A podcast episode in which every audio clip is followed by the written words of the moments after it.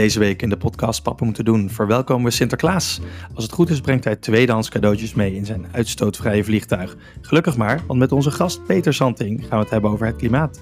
We vragen hem hoe hij nog positief blijft in deze tijden van crisis. We spreken klimaatactivisten, elektrische auto's en de fantasie van onze kinderen. In de papmomentjes lezen we boekjes en de ploeterpapa heeft een groot geheim. Laat de zin nog maar even binnen, want wij gaan beginnen. Veel plezier!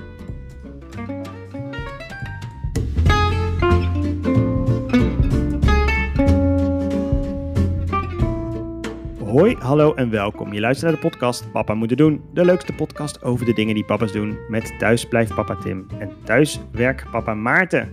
Hallo, leuk dat je er weer bent. Ja, wij zijn niet alleen deze week. We hebben een gast.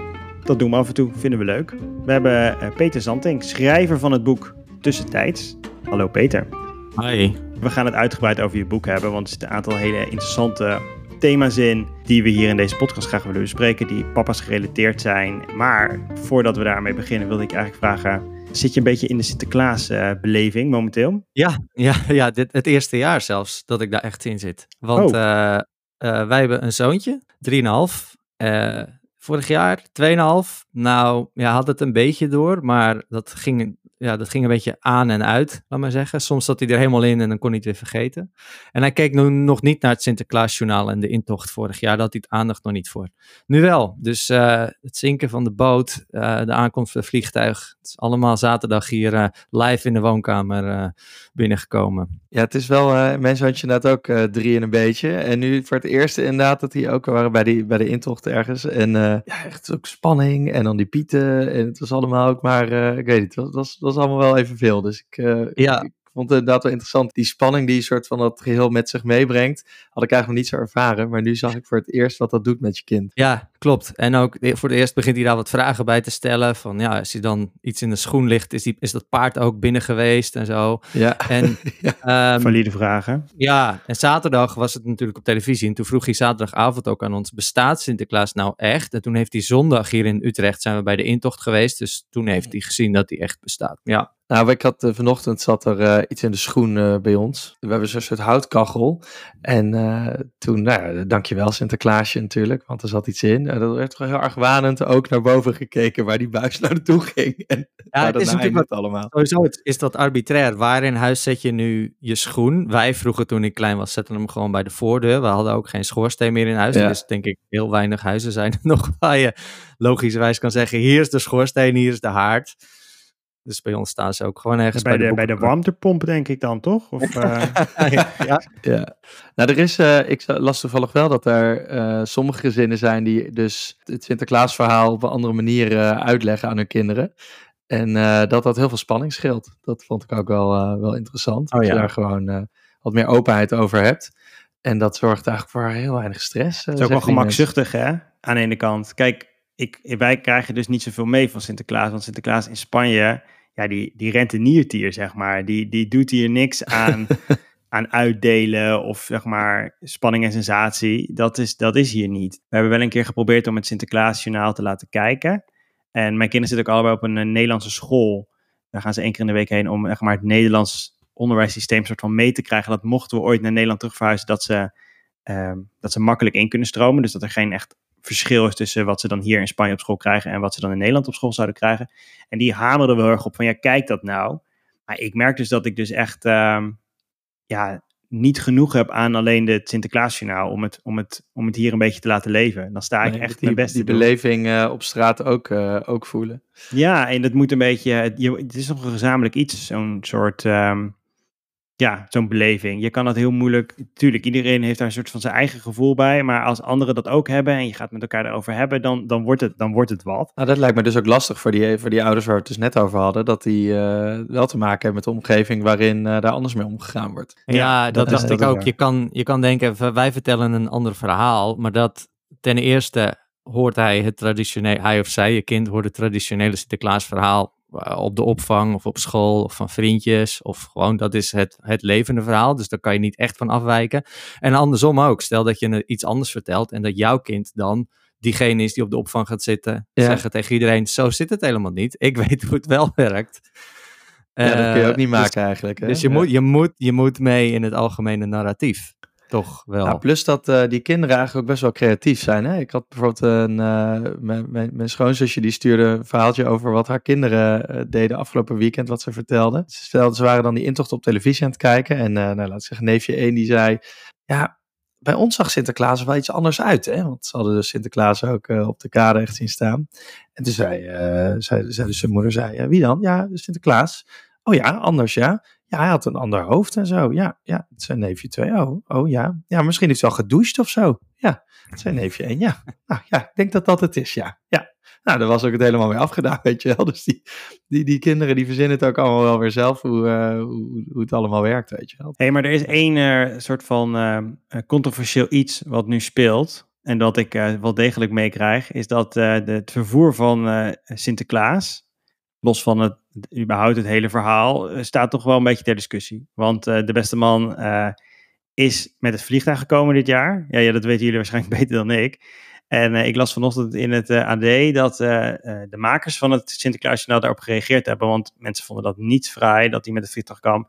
Dat voelde de tijdgeest niet zo lekker aan. We proberen allemaal juist minder onszelf te verplaatsen. En zeker niet met iets vervuilends als het, als het vliegtuig. Maar het goede nieuws was dat het vliegtuig van Sinterklaas geen kerosine gebruikt.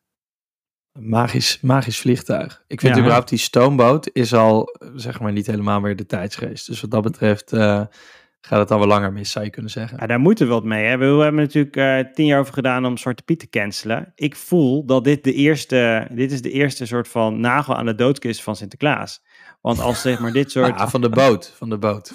Nou, van het vervoer, want dat is echt maar een heel belangrijk onderdeel van het verhaal. Zeker voor het Sinterklaas nou, want het is elke keer weer spannend hoe die aankomt. Ja, als we op een gegeven moment gaan zeggen van, ja, hij, moet maar gewoon lekker blijven waar hij zit. Waarom moet hij überhaupt met al die spullen, uh, al die nieuwe spullen, verpakt, gefabriceerd in China waarschijnlijk, deze kant op komen om die cadeaus uit te delen? Ja, weet je, dit, gaat gewoon gebeuren. Ik, ik kan het hier. Maar goed, uh, ik stel voor dat we eventjes doorgaan naar de papmomentjes. En in de papmomentjes delen we altijd de momenten die ons zijn bijgebleven van de afgelopen periode met onze kinderen. En ik zal eventjes aftrappen. In uh, het kader van het klimaat waar we het zo over gaan hebben, lezen wij hier het boekje Het Goedige Monster van Max Veldhuis. Dat is een oud kinderboek. Het is een fantastisch boek overigens. Waarin er een soort samenleving is die uh, heel veel energie verbruikt. Uh, daar ook helemaal, helemaal oké mee is. En dan op een gegeven moment op een dag is er een heel groot monster. En dat monster dat uh, zorgt voor spanning binnen die samenleving. En die mensen die vangen dat monster en komen dan op een gegeven moment erachter dat dat monster helemaal geen monster is, maar gewoon een heel lief beest. En het hele dorp van energie kan voorzien. Want ze zetten dat dan in een soort van contraptie. Ze denken, is het een kinderboek? Ja, het is een kinderboek. Het is echt een heel leuk boek. Maar het zit in een soort contraptie en dan warmt hij in een soort van fabriek, warmt hij het op en dan maakt die, maken ze stroom en zo.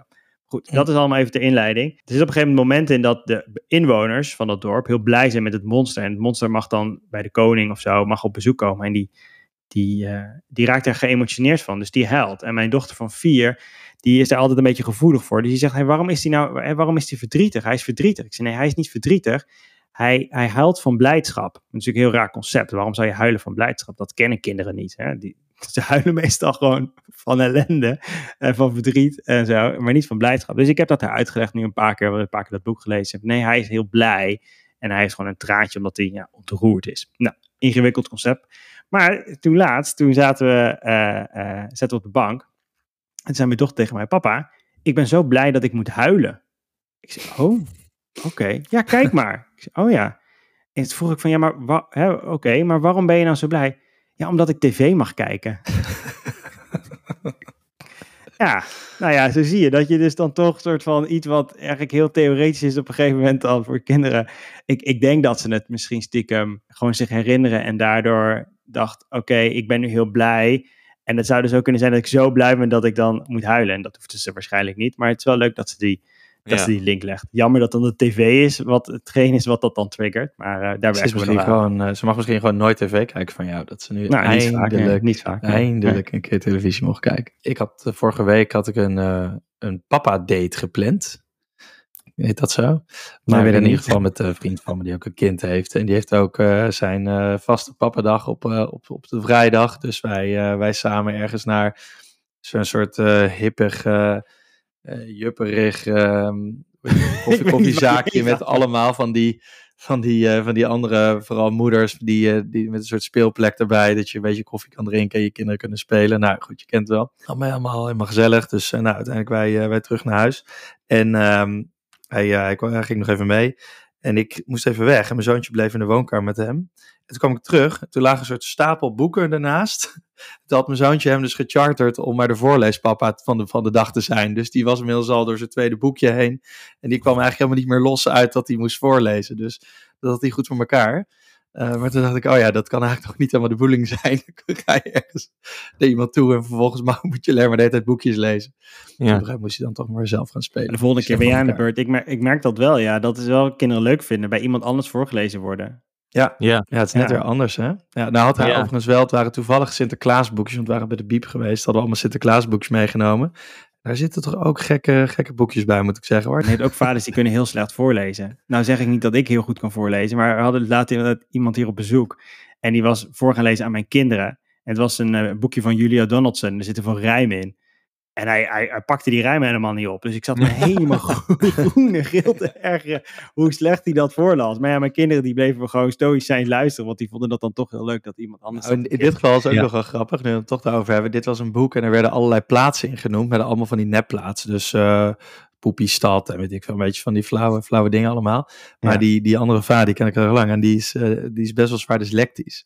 Uh, maar goed, die kan prima functioneren. Maar, maar dus daar, daar stokte de hele tijd op al die woorden die amper uit te spreken waren met 14 lettergrepen. En mijn zoontje heeft het verhaal best vaak gehoord, dus die begon hem dat te verbeteren.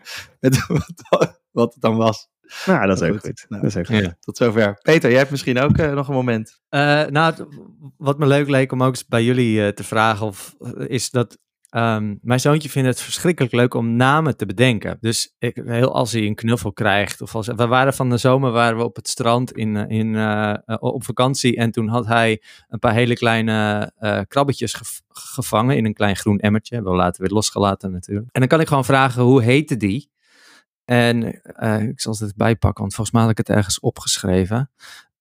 dan zegt hij gewoon meteen, meteen die heette uh, uh, Ploppy, Peppy, Mommy en Caddy. Dus dat, dat duurt misschien vijf seconden in zijn hoofd. En dan heeft hij iets bedacht, wat nooit een naam is die hij al ergens gehoord heeft. Dat is toch gewoon. En hij had een, had een knuffel laatst gehad. En, uh, en die heet nu Penton.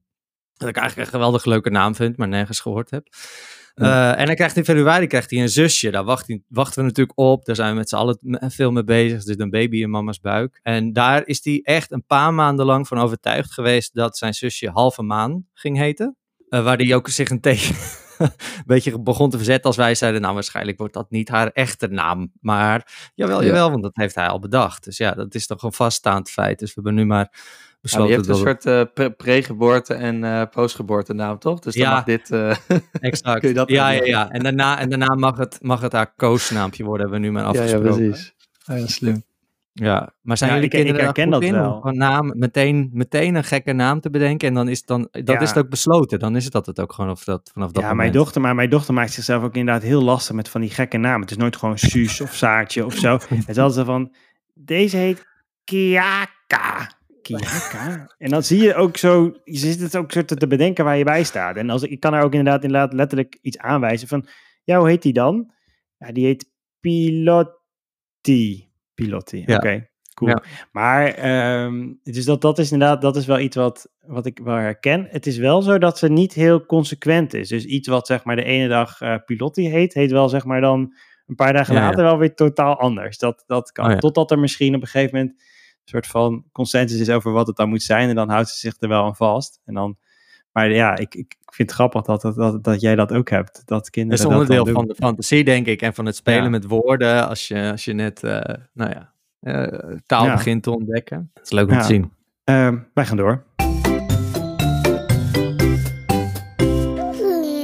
Ja, en ik noemde het net al eventjes. We gaan het over jouw boek Tussentijds hebben. En er zitten een aantal thema's in die interessant zijn om eens met elkaar door te, door te spreken. Uh, een daarvan is het, is het klimaat.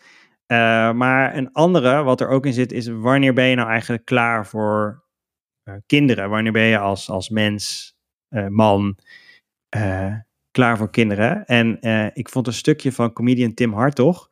En die heeft daar wel een antwoord op. Of die zocht in ieder geval naar een antwoord van wanneer nou ben je nou klaar voor kinderen? Mijn vriendin en ik, wij willen geen kinderen. althans, dat denken we. Want we weten niet hoe het voelt om kinderen te willen. Voor hetzelfde geld, dat leggen we elkaar nooit uit. Maar voor hetzelfde geld missen wij allerlei signalen.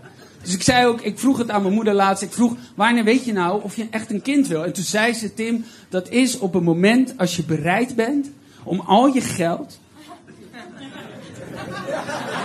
al je geld, al je zorgen en onvoorwaardelijke liefde in iets te stoppen waarvan je niet zeker weet of je daarvoor iets terugkrijgt. Ik zei, wow. Zo. Nee, dank je. Ik ben al Feyenoord supporter. Had jij voor jezelf wel een, een moment dat je dacht, nu ben ik er klaar voor? Dat is wel in ieder geval iets wat de hoofdpersoon, eh, Robin in het boek Tussentijds, zichzelf continu afvraagt van wanneer ben ik er nou, ben ik er nou klaar voor? Nou, dat is, wel een, eh, dat is wel een beetje een uitvergroting van mijn eigen gedachten daarover. Dat komt, dat komt ook door een karaktereigenschap die ik en, en Robin, mijn hoofdpersoon, delen. Namelijk dat je, dat je moeilijk omgaat met verandering. Of anders gezegd, dat je altijd wel echt een, eh, een bovengemiddeld lange periode nodig hebt om te wennen aan elke verandering. Dus waar, ehm, waar mijn partner, net als Tess, de partner van Robin in het boek, iets eerder vooruit kijkt en al kan zich, zich kan gaan verheugen op wat er gaat gebeuren, heb ik gewoon eh, intrinsiek de neiging om, om, om, om eerst wat banger te zijn voor wat ik ga kwijtraken. En dan daarna, wanneer je het hebt, dan ben je juist, dan merk je van, oh ja, maar dit is wat ik erbij gewonnen heb. Maar omdat je voordat je kinderen krijgt niet weet wat je er precies mee gaat winnen. Omdat wat je ermee wint is, is niet zomaar, weet je wel, ehm, even te vertellen of in kwantitatieve dingen uit te leggen. Het is gewoon ja, 99% gevoelsmatig. En eh, ik had voordat ik vader werd echt wel moeite om dat goed in te kunnen schatten. Had je dan voor jezelf al wel heel erg een beeld met wat je dan zou kwijtraken? Want anders als je denkt, ja, er valt eigenlijk alleen maar wat te winnen in theorie, dan, dan Nee, natuurlijk. is het van Ja, de hand. natuurlijk. Ja, natuurlijk eh, eh, heb je daar wel eh, dingen, heb je daar wel een beeld bij. Dat zijn niet de dingen als we kunnen niet meer zomaar een avondje naar de film. Of ik kan niet meer twee uur lang op, de, op zaterdagmiddag op de bank een boek lezen. Dat is ook jammer dat dat niet meer kan, maar dat win je ook wel weer terug. En dat zijn niet de dingen die je, die je opgeeft en echt, echt rouwig om bent. Ik was het bangst, denk ik, dat de relatie tussen mij en mijn vrouw zou gaan veranderen. Dus dat wij niet meer op dezelfde manier met elkaar om zouden gaan. Of dat daar iets, dat daar iets verloren in ging, in zou zijn. Eh, iets wat we tien jaar met z'n tweeën gehad hadden. Eh, dat voorop. En misschien op de tweede plek. Ik was ook een klein beetje bang dat de dingen die ik heel erg belangrijk vond in mijn leven. Of die ik zag als onderdeel van mijn identiteit. Dat ik die misschien kwijt ging raken. Ik dacht, misschien vind ik het schrijven straks helemaal niet meer belangrijk. Is het gewoon alleen maar triviaal. Of het, eh, het, het, het, het, nadenken over mooie verhalen. Die dingen die ik in mijn werk, maar deels ook hobby waar ik werk van heb gemaakt, die ik, die ik zo fijn vind om, om te kunnen doen en om eh, geluk en plezier uit te halen. Misschien is alles straks triviaal ten opzichte van het vaderschap en dat kind.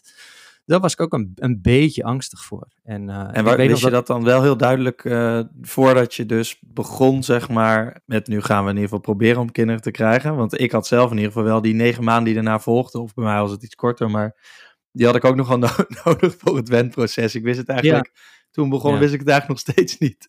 Nee, exact. Ik, eh, ik hou vrij fanatiek een dagboek bij. Dat heb ik tijdens de zwangerschap gedaan. En, en, en nu ook gewoon, nu we, nu we vader en moeder zijn. Niet alleen over hem, maar gewoon over, over het leven. Maar natuurlijk ook veel over hem. En tijdens die zwangerschap, ergens halverwege of zo, schreef ik iets op als...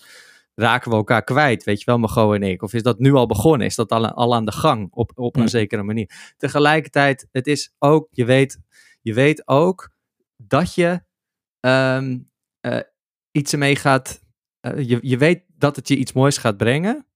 Alleen, weet je, ja, het is alsof alle mensen die al vader en moeder zijn en die weten hoe mooi dat kan zijn, die staan aan de andere kant van de rivier en die zeggen van steek nou over, want het is hier zo mooi. Maar als je nog aan de overkant staat, dan zeg je ja, dat zeggen jullie nu wel, maar ik ben daar nog niet. Ik kan dat niet zien, hoe het gras daar, weet je, hoe groen het gras daar is. Ik weet, ik voel dat nog niet. Jullie kunnen het me wel vertellen, maar dat is nog niet iets wat ik, wat ik gevoelsmatig en emotioneel voel. En tegelijkertijd weet je wel dat er iets is om je op te verheugen. Hè? Hij Dus weet het ook is dat een- het gras, het gras is groen, maar er zitten ook wel, zeg maar, mottige plekken tussen, zeg maar. Ja, dat ja. is wel, Ja, ja. eh, dat, dat, dat hoor je ook wel Ja. natuurlijk. Ja, dus Ja, natuurlijk ook voor ja. iedereen is dat, is dat verschillend. Hey, je boek kreeg best wel heel eh, lovende recensies. Echt eh, bijna unaniem. En eh, Mhm.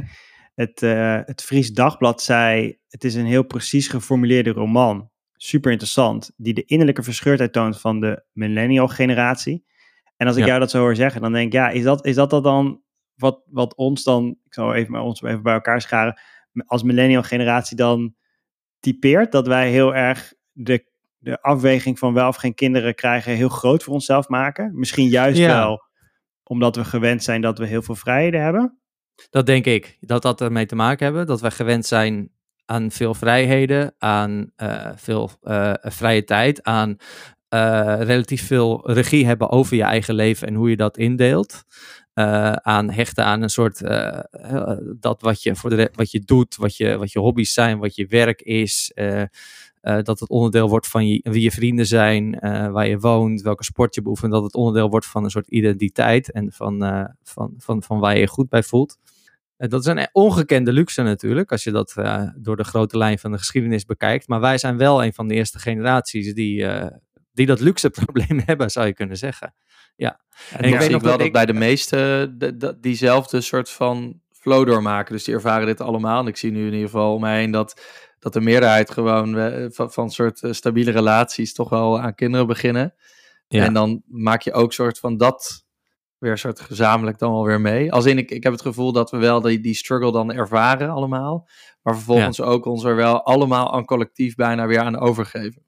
Ja, en eraan wennen. En uiteindelijk, ik bedoel, het zou ook raar zijn als we er niet aan zou, zouden zijn gewend. Of als we niet aan zo'n nieuwe situatie. Want nu ben je natuurlijk gewoon juist weer bang. Tenminste, ik dan, om weer te verliezen wat je nu hebt. Hè? En dan, zo gaat dat steeds maar door. Dat geldt ook voor mijn hoofdpersonage. Uh, maar het zou ook raar zijn als van de een op de andere dag je helemaal meteen op, welk, op elke mogelijke manier oké bent met die nieuwe situatie. Het is, um, weet je, verandering is altijd moeilijk en, en dit is nogal een verandering. Ja, nou ja, over verandering gesproken, er is natuurlijk nog een ander lijntje in jouw boek. En ik noemde het al over het klimaat. En ik heb een quote van uh, Obama die zei: We are the first generation to feel the effect of climate change and the last generation who can do something about it. Mm -hmm. Dat is ook wat uh, Robin in jouw boek zich hardop eigenlijk afvraagt. Hij zit in een trein en hij ziet om zich heen dingen gebeuren en hij denkt, dit is niet toekomst, dit is nu. Er moet nu iets veranderen. We moeten, we moeten hier iets mee. En dat is iets waar in ieder geval ik zelf ook continu mee bezig ben. Van, ik moet eigenlijk in actie komen. En stil blijven zitten is, nou ja, is, is ook een soort van actie. Maar dat, ik, ik, vind het, ik vind dat een enorm uh, vond ik, ik vond het echt super interessant om te lezen. Want ik dacht, ik vind het fijn dat er zeg maar meerdere zijn die vanuit die positie, zeker in dit, in dit hele klimaatdebat, zijn er altijd heel, het is heel stellig, weet je. Het is echt eh, heel erg uh, links of heel erg rechts. Er blijkt heel weinig in het midden te zitten. Maar er zit natuurlijk wel heel veel in het midden, denk ik. Het wordt snel heel groot of juist weer heel klein. Dus vorige ja. week was die, die, die grote conference, de weet dat, uh, de United ja. Nations Climate Change Conference. Ja, en dat wordt allemaal ja, heel groot. Die is nog bezig nu, ja. Ah, die is nog bezig, precies. En, uh, en dat gaat over die, die opwarming en die, die Parijs-doelstellingen. En aan de andere kant is, gaat het een beetje over ja, je, je, je, je afval recyclen en zo. Dus er zit een soort voor mijn gevoel een soort abstractie in en, en dingen die dan te klein voelen. Dus... Juist omdat het over je kinderen gaat, dan denk ik, ja, wij zijn alweer wat ouder. Dus we, we zijn ook wel bijvoorbeeld, eh, als je eenmaal kinderen hebt, dan denk je van, ja, ik, ik doe het niet voor mezelf. Of ja, misschien wel, maar omdat je er heel erg intrinsiek uh, gemotiveerd in bent. Maar je doet het vooral voor die, kinderen die ik nu net op de wereld heb gezet. Laten die kinderen nou net ook, zeg maar, super ver, vervuilend zijn en bijdragen aan, aan, het, aan dat hele proces. Dus dat is echt een enorme ja, twee strijd wil ik bijna zeggen. Mm -hmm. ja. ja, dit is een verschrikkelijk abstract probleem. Uh, in zekere zin. We kunnen, we kunnen eigenlijk niet gewoon met één goed overzicht begrijpen hoe groot het probleem klimaatverandering is en wat voor haken en ogen en tentakels daar allemaal aan zitten, wat het van ons individueel vraagt, wat het van ons economische systeem vraagt, van de manier waarop we uh, reizen, uh, zaken doen, ons, nou ja, alles. Alles heeft ermee te maken. Letterlijk alles kun je binnen één, twee zinnen richting klimaatverandering en duurzaamheid en energietransitie praten. Um, en dat is deels ook wat de uitdaging was bij het schrijven van dit boek. Van hoe kun je iets wat zo verschrikkelijk groot is en wat op zo'n unieke manier ook van onze tekortkomingen als mens gebruik maakt. Want we zijn hypocriet en we kunnen niet zo goed samenwerken. We kunnen niet zo goed uh, ons uh, eigen belang scheiden van het belang van een ander. We kunnen niet zo goed lange termijn boven korte termijn stellen. Al die dingen hebben we mee te maken. Al die dingen gaan eigenlijk in tegen onze psyche. En toch moeten we dit met z'n allen doen. En hoe kun je zo'n verschrikkelijk abstract verhaal zo klein mogelijk maken? Gewoon een vader, een moeder en één kindje.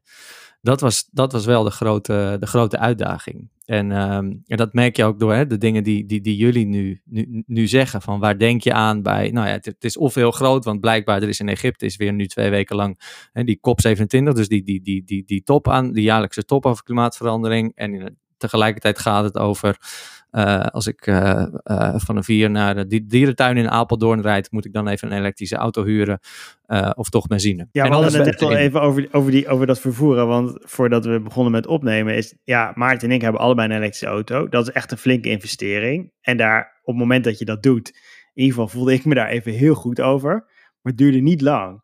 Want hmm. ik had al heel snel dat ik ergens iets las over, over van ja, elektrische auto's lijken het probleem te zijn echt maar het probleem op te lossen voor het klimaat, maar het lost eigenlijk het probleem voor het voortbestaan van autofabrikanten. Want zolang die auto's gemaakt worden, ja, blijven zij in leven, maar gaan we niet fundamenteel anders kijken naar hoe we onszelf verplaatsen en waarom we onszelf verplaatsen. die auto maakt het mogelijk bijna een soort greenwashing idee. Dat je soort van, nou ja, maar mijn auto stoot niks uit. Er zit geen, geen viezigheid in. Nee, maar er zitten wel autobanden op. En wat dacht je van hoe die batterij tot stand komt? Je moet hem wel echt helemaal oprijden. Wil je überhaupt zuiniger uit zijn vergeleken met een ander soort auto? Dus ik merk dat ik daarmee ook heel veel van die dingen waarvan ik denk, ja, doe ik al best wel oké, heel snel weer heel futiel maak en daar me eigenlijk dan weer hmm. slechter voor voel. Ja, ik zou er echt voor willen pleiten dat, uh, dat we met z'n allen accepteren dat we niet 100% zuiver kunnen zijn en dat alles helpt. Daar bedoel ik niet mee dat als je denkt van nou, ik heb nou alweer genoeg gedaan, want ik heb vandaag een wandelingetje gemaakt in plaats van dat ik de auto pakte. Uh, er zijn dagelijkse keuzes waar we over na moeten blijven denken, maar wat ik bedoel te zeggen, we moeten oppassen dat het niet is of ik doe alles goed, of dat blijkt onmogelijk te zijn en dus kan ik net zo goed opgeven. En dat daar niks tussenin zit. Dus elke keuze die, uh, die de juiste is, of in ieder geval beter is dan een, dan een slechtere keuze, is volgens mij welkom. En, en voor 80% iets goed doen, helpt ook. Uh, zelfs voor 20% iets goed doen, uh, helpt ook. Als je zeven dagen per week vlees eet en je besluit dat drie dagen te gaan doen, dan kun je jezelf hypocriet noemen, omdat je nog, of, ander, of, of anderen kunnen dat misschien doen omdat je nog steeds vlees eet. Maar je eet wel meer dan de helft minder. Maakt dat je optimistisch over de, over de toekomst voor je kinderen? Nou, het maakt, het, maakt me, het maakt me niet optimistisch dat we, de, dat we het hypocrisie-argument maar de hele tijd heen en weer blijven gooien en slingeren naar elkaar. Hè? Eh, Bill Gates ging naar die uh, uh, 2015 klimaatop in Parijs met een privéjet. Dus ja, dan kun je dan zeggen, wat, wat doe je daar Bill? Eh, als je op die manier daar je naartoe verplaatst. David Attenborough, weet je wel, die BBC documentaire maker mm over, over natuur, die uh, die heeft ook een boek geschreven en een documentaire serie gemaakt waarin hij pleit voor nou ja, een andere manier van hoe we, de, hoe we klimaatverandering en de natuur aanpakken. En tegelijkertijd is die niet veganistisch. En uh, een wetenschapper die wordt geïnterviewd in de krant, die krijgt al heel snel weer de vraag: ja, maar hoeveel vliegt u zelf wel niet naar al die overlegjes en afspraken en toppen heen en weer? Dus zo blijven we steeds uh, uh, de mensen die wel proberen om iets goed te doen of wel iets bij te dragen, dan dat, dat te kalt stellen door te zeggen, ja, maar jij doet ook. En dat, dat wij dat maar blijven doen, dat, uh, daar wil ik me wel echt tegen verzetten. Wat me wel optimistisch maakt, is, is, is wat er gewoon. Ik bedoel, we hebben klimaatverandering veroorzaakt in een ongekend korte tijd. Als je hè, kijkt naar de geschiedenis van de mhm. wereld en dan daarbinnen de kleine, het kleine deel daarvan waarin een geschiedenis van de mensheid is um, hebben we in, uh, in, in, in iets meer dan 100 jaar, zo het begin van de industriële revolutie, hebben we ervoor gezorgd dat de aarde nu heter is dan het ooit eerder is geweest op, uh, in, in, de, in het tijdperk van de mens. Maar we zijn ook in een ongekend korte tijd nu aan het veranderen. In de afgelopen vijf tot tien jaar is al is ook wel een heleboel gebeurd. Nog steeds veel te weinig, laat me dat benadrukken, maar, maar we, we bewijzen ook dat we een heleboel wel goed kunnen doen. Dus dat maakt, dat maakt me wel optimistisch. Ja, precies. Ja, hoi. Even een commercial break. Elke van Vriend van de Show hier. Vind je deze podcast leuk en wil je de maker steunen? Ga naar vriendvandeshow.nl en word vriend. Ja, want aan de andere kant van het spectrum heb je natuurlijk de... Uh, recent zagen we veel acties van klimaatactivisten die wat mij betreft niet aan de oplossing werken, maar wel aan de bekendheid misschien van het probleem. Of de, de, de, de partijen die daar nou ja, een grote rol in spelen, dat ze die eigenlijk vooral laten zien. Uh, wat, wat vind je daarvan, de, de, de, de vastplakkers en, uh, en dergelijke? Nou, daar, daar, heb, ik niet, heb ik niet een mening over waarvan ik denk, die moet iedereen horen of zo. Ik denk dat het goed is voor de bekendheid. Van, uh, maar, maar ook daar is al een heleboel gebeurd. Ik, ik werk voor NRC Handelsblad, of voor NRC, uh, nu een jaar of 12, 13. En toen ik daar net uh, zat, toen zat ook Rob Wijnberg, Nederlandse journalist, hè, nu bij de correspondent, daar. Um, en die noemde toen klimaatverandering als een onderwerp wat groot nieuws zou moeten zijn, maar wat nooit de voorpagina's haalt, omdat het te langzaam gaat. Dus het is niet bam in één keer een nieuwsgebeurtenis. Het, is, het gaat heel langzaam en elke dag gaat het voor en het is heel belangrijk, maar de kranten besteden er te weinig aandacht aan, omdat het nooit bam in één klap uh, nieuws is. Uh, nou, dat is nogal veranderd, denk ik, in de afgelopen uh, 10 tot 12 jaar. En, en zo zijn er denk ik heel veel dingen waarin, waarin het zit echt wel in, in, in, in, in een heleboel van onze hoofden inmiddels. En uh, daar, kan, daar kunnen dit soort acties als van Extinction Rebellion verder aan, aan, aan mee helpen. Uh, maar, maar ja, ik, ik ben er zeker van dat het dagelijks in een heleboel van onze hoofden al zit. Ja, ik hou zelf inderdaad ook van een soort dat soort positieve kijk op die je volgens mij zelf geeft. Van laten we vooral naar de oplossing zoeken. En nou is uh, het wel interessant steeds meer bedrijven ook een beetje op die, die route zijn. Uh, al dan niet opportunistisch. Maar we hebben een leuk stukje, heb je misschien gezien van Marktplaats. Die natuurlijk uh, rond ditzelfde Sinterklaasseizoen hun, hun steentje bij proberen te dragen. Om ons eigenlijk aan te zetten om niet meer al die plastic rommel uit China te halen die Tim zegt. Maar gewoon te kijken van... Ja, laten we daar we nou... eventjes uh, naar luisteren, ja. Wat?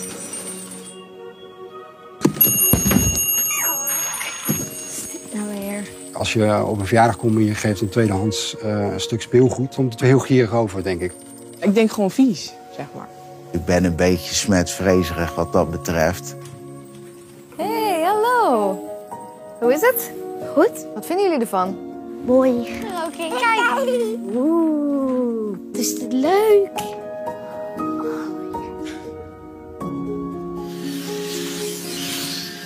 Weet jij trouwens wat tweedehands speelgoed is? Ja, dan gebruik je het weer opnieuw in plaats van dat je het weggooit. Dan hoef je niet meer speelgoed te maken. Voor het milieu. Dat is goed voor het milieu? Ja. Oké. Okay. Al het speelgoed wat je hier ziet is tweedehands. Echt? Huh? Lijkt echt net nieuw. En zou jij het erg vinden als je speelgoed cadeau krijgt wat al van iemand is geweest? Dat zou ik helemaal niet erg vinden. Als het maar gewoon leuk is. En nu kan het weer naar andere kinderen. Cool. Cool. Is dit cool? Ja. Je hoeft de wereld niet te veranderen om de wereld te veranderen. Soms moet je er gewoon even naar kijken. Door de ogen van een kind. De, de kinderen in dat clipje komen op een gegeven moment een soort van uh, grot in. En daar staat allemaal speelgoed heel mooi opgesteld. En dan is er een soort marktplaatsvee. En die begint aan een soort kruisvoor aan kinderen. Weet jij wel wat tweedehands speelgoed is? En die kinderen die geven er allemaal heel netjes antwoord op. Maar ik zat te denken, als ik dat aan mijn eigen kind, kinderen zou vragen, die, die zijn er echt helemaal niet mee bezig. Dat is ook natuurlijk nee, een beetje de strekking, helemaal niks. strekking van het filmpje. Maar het feit dat wij dingen, uh, verpakkingen hebben en, en ik vind het vaak ook heel erg irritant, want voordat ze er dan mee kunnen spelen, ben je eerst een kwartier kwijt om batterij te zoeken en een verpakking, zeg maar, helemaal uh, te demonteren. Maar het is heel gek dat we ze, zeg maar. Uh, ik, wat ik dus wat ik interessant vind, is waarom die vraag überhaupt relevant is. Want speelgoed is speelgoed. Of waar het nou vandaan komt en van wie het nou is, dat maakt kinderen per definitie niet uit. Dat weten we echt. Dat weten we, want ze spelen op school met speelgoed wat niet, wat niet uit een doos komt. Ze spelen bij andere vriendjes van speelgoed wat niet uit een doos komt. Dus dat hele nieuw concept ding, dat is echt iets wat bij ouders leeft. Ja, er zit ook een soort gemaksaspect in, toch? Als in, is dat uh, het? Nou, dat weet ik niet, maar dat, dat, dat Omdat vind ik zelf nog, dat vind ik zelf nog wel. Al het gedoe is een marktplaats iets te koop. Nou ja, ik vind, ja, marktplaats vind ik één niet zo heel goed werk, maar het is meer, het is, weet je wel, die, die twee klikken op uh, bol.com zijn gewoon, uh, en het wordt bezorgd op exact moment dat ik het wil. Uh, ja. En ik weet zeker dat, het, dat ik het niet zelf nog hoef te wassen of zo, weet je wel. Dus ja, het is ja. gewoon, Het is, compleet eh, is. luiigheid en het heeft, ehm, eh, ja, weet je wel, de, de, de, de thematisering van het speelgoed match met de nieuwste filmpjes die ze moeten zien of zo, I don't know.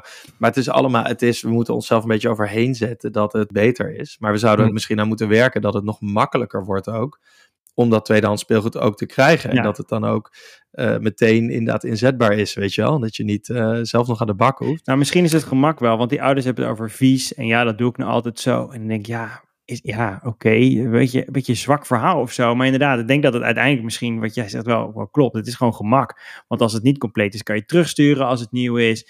Eh, je weet dat het compleet is. Het is het is actueel. Dat soort dingen.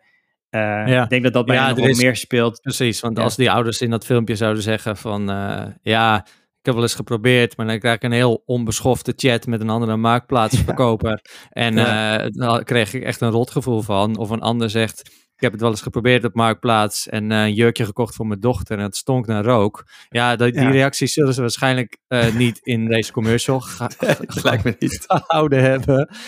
En eh, het, het was echt bijzonder geweest als bol.com deze reclame had gemaakt van koop tweedehands in plaats van bij ons. Want uiteindelijk Ja. is het natuurlijk, eh, laten we wel wezen, als men eh, wat hier met een emotionele eh, boodschap gebracht wordt, daadwerkelijk gaat opvolgen, dan is dat financieel nogal goed voor Al, Marktplaats. al doet bol.com het Maar- wel goed, hè? Met, eh, met boeken doen ze het wel. Daar faciliteren ze het wel gewoon. Dus het zou de tweedehands. speelgoed ook Ja, maar dus niet meer voor particulieren volgens mij sinds een aantal, Nee. eh, sinds een tijdje niet meer voor particulieren. Dus je, je moet wel een. KVK-inschrijving hebben, wat uiteindelijk wel de facto op neerkomt dat je vooral als tweedehand boekwinkeltje al een beetje professionaliteit moet hebben. Maar ja, het is denk ik wel waar dat wij ehm, eh, het begrip nieuw is misschien voor, an, voor kinders, kinderen anders dan voor ons. Nieuw vinden wij, het zit nog in de verpakking. Jij bent de allereerste op de hele wereld die hiermee speelt. Het is gemaakt en daarna hebben wij het gekocht. En nieuw is voor kinderen. Ik ken het nog niet. Ja, Eh, hè, zoals de kinderen op de opvang van mijn zoontje ook. Die komen naar hem toe en die vragen: mag ik een keer bij jou thuis spelen? En de volgende vraag is: wat voor speelgoed heb jij? Ja. En als, hij, als mijn zoontje ergens anders is, dan is het speelgoed daar weer ineens fascinerend, omdat het niet datgene is wat hij thuis heeft liggen. Dus dat zou pleiten voor, eh, of tenminste, laat ik het zo zeggen, wat je, je kunt tweedehands nog steeds, eh, je kan heel veel dingen tweedehands kopen en dan is het nieuw voor je kinderen. En het zou misschien pleiten voor een soort van roleren van, van speelgoed. Want ik denk dat we ook allemaal vinden dat we te veel speelgoed hebben. En dat gewoon soms het speelgoed weer eventjes verkocht kan worden. Of weggedaan of weggegeven aan anderen. En dat er weer andere nieuwe dingen voor in de plaats komen. Ah, dat, dat vind ik echt super slim. We hebben met eh een achterbuurjongetje hier, die, eh, die is net een jaartje ouder dan mijn zoontje, of misschien wel twee. Maar die heeft dus eigenlijk altijd speelgoed wat hij dan net heel leuk vindt, weet je wel. Want dat is dan eigenlijk net iets wat hij zelf vaak ook gewoon nog niet heeft staan. En dan altijd als hij daar even gaat spelen, dan mag hij, dan heeft het jongetje een keer in het begin bedacht, dan mag hij altijd iets meenemen. dus altijd komt hij terug en dan mag hij weer iets, iets mee, ja niet om per se om te hebben, maar dan daarna gaat het gewoon weer terug. Maar hij komt altijd terug met iets en is hij helemaal blij. Dan speelt hij er twee weken mee en dan op een gegeven moment staat het ook een beetje in de hoek. Dan zie ik soort van vanzelf wel, als het lang op dezelfde plek blijft staan, dan weet ik, oké, nu kan het ook weer terug. Het gewoon weer zo'n terug. soort, ja, ja, precies zo'n soort rouleersysteem, weet je wel. Het moet Een dan soort een beetje concept van de spelotheek opnieuw goed. uitgevonden. Want wij, wij Ja. doen het hier zelf, echt maar op nog kleinere schaal, is dat we het speelgoed waar kinderen niet meer mee spelen, stoppen ergens beneden in een kast. En dan blijft het daar zeg maar een paar weken liggen.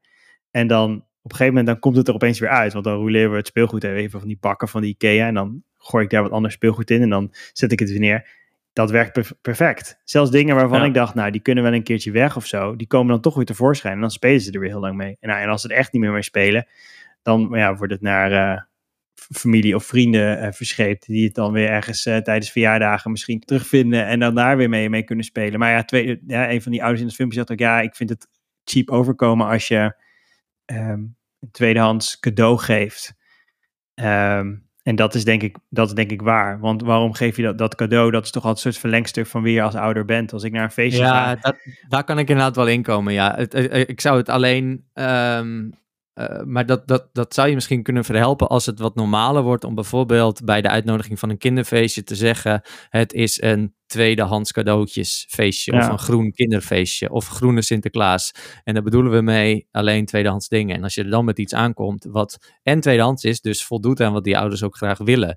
En wat het soort van thema is van het feestje. En tegelijkertijd ook wel laat zien dat je ook belangrijk, uh, uh, goed hebt nagedacht over wat je geeft, dat je, Ja. dat je moeite ervoor hebt gedaan, dan is het misschien juist uh, drie keer zoveel waard. Maar er zit toch ook een ander aspect aan. Kijk, als je, je hebt gewoon een bepaald bedrag in je hoofd wat je van een kinderfeestje wil geven. Ik ben nog niet zo heel erg in die fase, maar je hebt vast op een gegeven moment een bedrag in je hoofd. Je kan voor 20 euro, of wat ik veel, een tientje, kun je meer geven tweedehands dan nieuw. Dus je kan een veel groter, als in of een cadeau van meer waarde geven, als je tweedehands geeft. Dus het is alleen maar leuker ja. voor het kind, want die krijgt een, een, een veel chiquer cadeau dan wat hij anders had gekregen. Ja, laat maar Ja. een kind gewoon iets van zijn eigen speelgoed gewoon uitkiezen en inpakken. En dan eh doen we dat is dat op die natuurlijk manier. ook, eh, is dat een ding leuk. al trouwens? Groene Sinterklaas en eh, groene kinderfeestjes? Je zei het zo het laatst dat... me heen, ja. Ja, ja, ja, ja. Vrienden van ons die vertelden dat ze dat met hun familie hebben afgesproken. Ja. Ja, want er is bijvoorbeeld wel al iets dat, ik weet niet of dat, dat het, eh, het label groen verdient, maar wel eens uitnodiging van bruiloften van eh, geef niks of geef wat aan mensen die het echt nodig hebben. Dus dan kan je een donatie doen voor een goed doel bijvoorbeeld. Eh, dat heb ik nu een paar keer gezien bij bruiloften of bij verjaardagsfeestjes van volwassenen. Maar voor kinderen, ja, is natuurlijk mooi als ik zeg, ja, ik heb in jouw naam een donatie voor Warchild gedaan, maar daar, ja, Ja, le- leuk. Ja, je hebt, Ja, je hebt leuk. andere kinderen geholpen. Hartstikke fijn. Ja, Ja, nee, mijn, eh, mijn schoonmoeder die doet eh, voor verjaardag en Sinterklaas heel vaak eh, tweedehands cadeaus hoor. Die is een soort marktplaatsgoeroe. Die rijdt gewoon heel Nederland altijd door. Met haar benzineauto dan wel. Maar goed, laten we die dan... Dat mag ik niet over nee, mogen we, daar mogen we niet over shamen. Nee. Dus nee, grapje. Maar die, die, die zoekt altijd heel marktplaatsen af voor de leukste cadeaus. En die kinderen, het interesseert ze helemaal niets. Ja. Oké, er is dus nog hoop. Hè? Als het over het kinderen gaat, moeten we gewoon zorgen dat we ze gewoon niet te veel met onze eigen onzekerheden en aannames en concepten verpesten. En dan eh Ja. hoeft Marktplaats Ja, niet meer gewoon dit soort... eh, Het, be- het filmpjes te begrip maken. nieuw, eh, eh, het begrip nieuw gewoon definiëren zoals het door kinderen begrepen wordt en niet zoals door ons volwassenen. Precies. Eh, laten we doorgaan naar de Ploetpapa.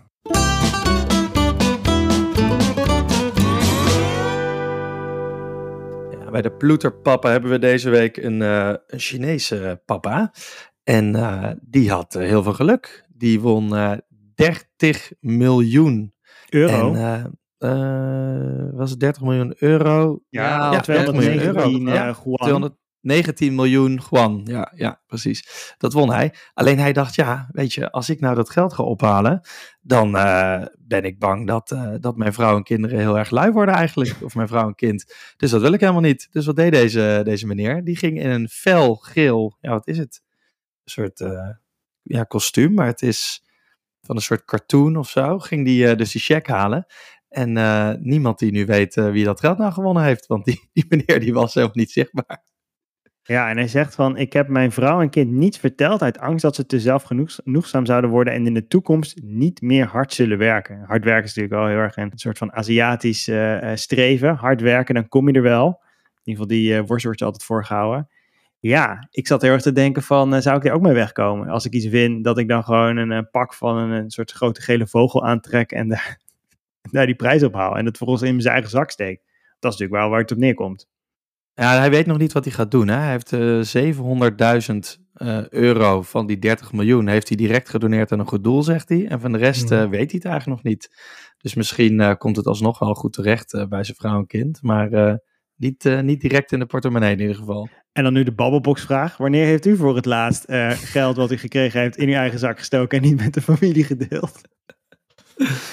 Nou, Ja, dit is ik- natuurlijk een abs- absurd bedrag. Dus wat, op welke manier ga je dat geheim houden? Het lijkt me dat je toch echt, ik bedoel, de ken net zo goed. Ja, het- je houdt ook een enorm geheim achter dus. En eh, Klopt. eh, eh, er is nogal een olifant in de kamer, denk ik, de rest van, van je gezinsleven. Ik begrijp dat je in Nederland bij loterijen wel een soort hulp krijgt vanaf een bepaald bedrag. Ik weet niet vanaf wat, maar dan, dan, dan Ja. is wel een soort financial support. Dat je niet meteen alles opmaakt in dingen die dan vervolgens heel veel onderhoud kosten en dat je in de financiële problemen raakt.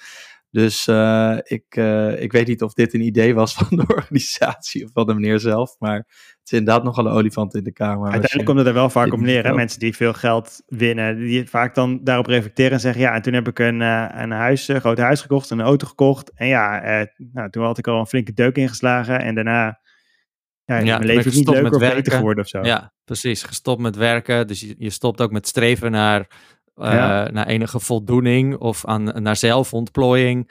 En eh, ja, nog een paar dingen gekocht waarvan ik dacht dat ze me gelukkig gingen maken. Al een paar keer op vakantie geweest. Toen was het op. Nu heb ik geen baan meer. Uh, het is echt de ultieme clusterfuck, hè? Want we gaan dan mensen aan loterij laten meedoen. Van dan maak je kans en dan komt het allemaal goed. En eigenlijk weten we dat het dan niet goed komt. Tenminste, ja, maar volgens mij is het grootste probleem dat de bedragen te hoog zijn. Maar goed, dat, dat, dat lokt mensen dan natuurlijk. Maar op het moment dat je gewoon leuke bedragen geeft die niet life-changing zijn, maar waardoor je wel net even gewoon uh, uh, geen, geen zorgen meer hebt. Kijk, dat zou leuk zijn. Of van die bedragen die elke maand gewoon erbij komen of zo. Dat soort initiatieven. Wat is er mis met gewoon een boekenbon? Dan kan je gewoon een leuk boek kopen. Nee, dat is toch goed? Krijg je, Elke maand krijg je 25 euro. Dan mag je een boekje verkopen, weet je wel. In plaats heb van je net, 30, heb je net een paperbackje voor tegenwoordig hoor. Het is niet, uh, niet meer gratis. Ja, ja precies. Okay. Ja. Nou goed, uh, tot zover deze Ploetepapa.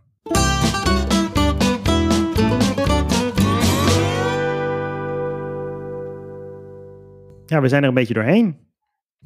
We zijn aan het einde van de aflevering. Maar ja. uh, niet voordat we natuurlijk uh, iedereen nog even wijzen op uh, onze Instagram. Waar je ja. altijd leuke, leuke foto's kan zien. Leuke plaatjes van onze aflevering. Peter, die zal. Je hebt hem nu een, een uurtje, een klein uurtje aangehoord. Die zal uh, daar zeker ook in verschijnen. Dus uh, kijk vooral op onze Instagram. Reviews mogen natuurlijk naar Apple Podcasts. Ratings zijn we ook altijd heel blij mee op Spotify of tegenwoordig ook Podimo. Ja, je zegt het toch een beetje onwennig, dat Podimo. Maar het is gewoon een feit dat heel veel van onze luisteraars via Podimo luisteren. Ja, dat is grappig hè? Ja, ja. ja nogmaals, wij, zijn, uh, niet, niet, wij zitten niet achter de paywall van Podimo. Als in, nee. je kan ons overal gewoon beluisteren. Maar ja, toch veel mensen die Podimo gebruiken blijkbaar. Ja, dus als je graag voor podcast betaalt, maar dat nog niet voor ons doet, dan kan je naar vriendvandeshow.nl gaan en even zoeken op pap moeten doen. En dan hebben we goed nieuws, want dan kan je niet alleen vriend worden voor een kleine 2,50 per maand, maar we verloten ook het boek van Peter. Tussentijds onder onze vrienden. Een echt exemplaar, gewoon helemaal mooi gebonden, gedrukt.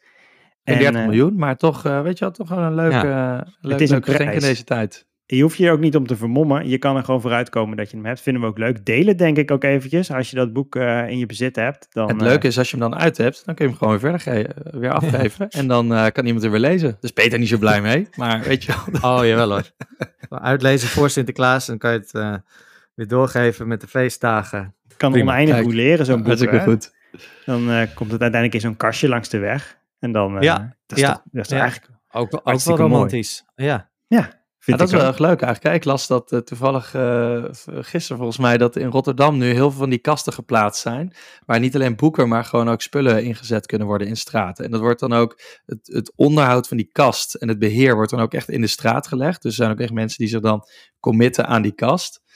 En uh, dat schijnt heel erg goed te lopen. Maar staat er dan ook een, een was-droog combinatie en zo? Of wat, wat moet ik me daar nog mee voorstellen? Dat precies. Uh, volgens mij is het niet zo groot, maar wel, uh, wel gewoon speelgoed bijvoorbeeld. En boeken ja, en ja, ja. klein, klein huishoudelijke ja. apparatuur. Wat bordspelletjes en zo. we hebben hier ook wel wat in de buurt. Dat soort dingen. Ja, soms wat speelgoed. Kinderboeken. Ja, Het gaat verrassend, verrassend goed volgens mij. Dus best leuk. Oké, okay, nou tof. wil je nou meer weten over hoe je kan besparen, minimaliseren met je gezin, kijk dan eens op ouders.nl slash vaderschap. Er zijn namelijk vijf tips om te minimaliseren uh, met je gezin. Kan je dat lekker uh, samen uitvogelen en daar je ook je kinderen bij betrekken. En misschien als laatste zoek je ja. nog een leuk geschenk voor met Sinterklaas. We hebben het al eerder aan jullie genoemd. vooral als je jonge aanstaande vaders hebt. Misschien Peter, je wordt voor de tweede keer vader. Wellicht is het ook nog wat voor jou. Welcome to Mankind. Vaderschapscursus voor aanstaande vaders. Kijk even op welcometomankind.nl volgens mij. Dan kun je daar nog beter leren hoe je aanstaande vader kan zijn. Nou, vader ja. eigenlijk, voor aanstaande vaders. Ja, je, je, leert gewoon alles, gewoon hoe, wat er van je verwacht wordt. En uh, het mooie is met uh, de kortingscode PAP moeten doen, krijg je ook nog eens 20% korting op het bedrag dat je daarvoor moet betalen. Je kan oneindig die video's bekijken. Dus mocht je op een gegeven moment denken, ik weet niet meer hoe het zit. Hoe, hoe, hoe gaat het ook alweer? Moet ik nou wel of niet kopjes thee halen en natte washandjes? Nou, dan ga je naar Welcome to Mankind en dan en zijn, zoek je het videootje op. Ja. En het is een digitaal cadeau, hè? Dus we uh, maken de wereld er niet mee stuk. Nee. Alleen maar beter. Alleen maar okay. mooier. Peter, ik wil je echt heel erg bedanken dat je hier was bij ons. Uh, het was ook een plezier om je boek te lezen. Hè, dat doe je dan toch een beetje als soort van uh, uh, geste naar de gasten toe, dat je ze minst even verdiept in het, in, in het werk. Het, het, het, was een fijn boek, het was een mooi boek. Ik heb het voor het slapen gaan gelezen. En dat, dat, dat gaf elke keer gewoon, dat, ja, ik, ik, ik dommelde zo weg. En dat is, dat is, dat is, dat is, dat is positief, zeg maar. mooi zo, heel goed. Ik zal het als een compliment opvatten, ja. Ja, nee, Dankjewel. lekker als je gewoon kan verliezen in een, eh, in een, in een, in een roman en ook nog je daardoor eh, ja, ook nog aan het, aan het denken zet. Nou, jullie hoeven niet na te denken, beste luisteraars, want wij zijn er over twee weken weer. En dan eh, kan je weer naar ons luisteren. Pap moeten doen is dan weer terug. Tot zover. Dank voor het luisteren. En tot de volgende keer. Wil je nog doei zeggen? Dag.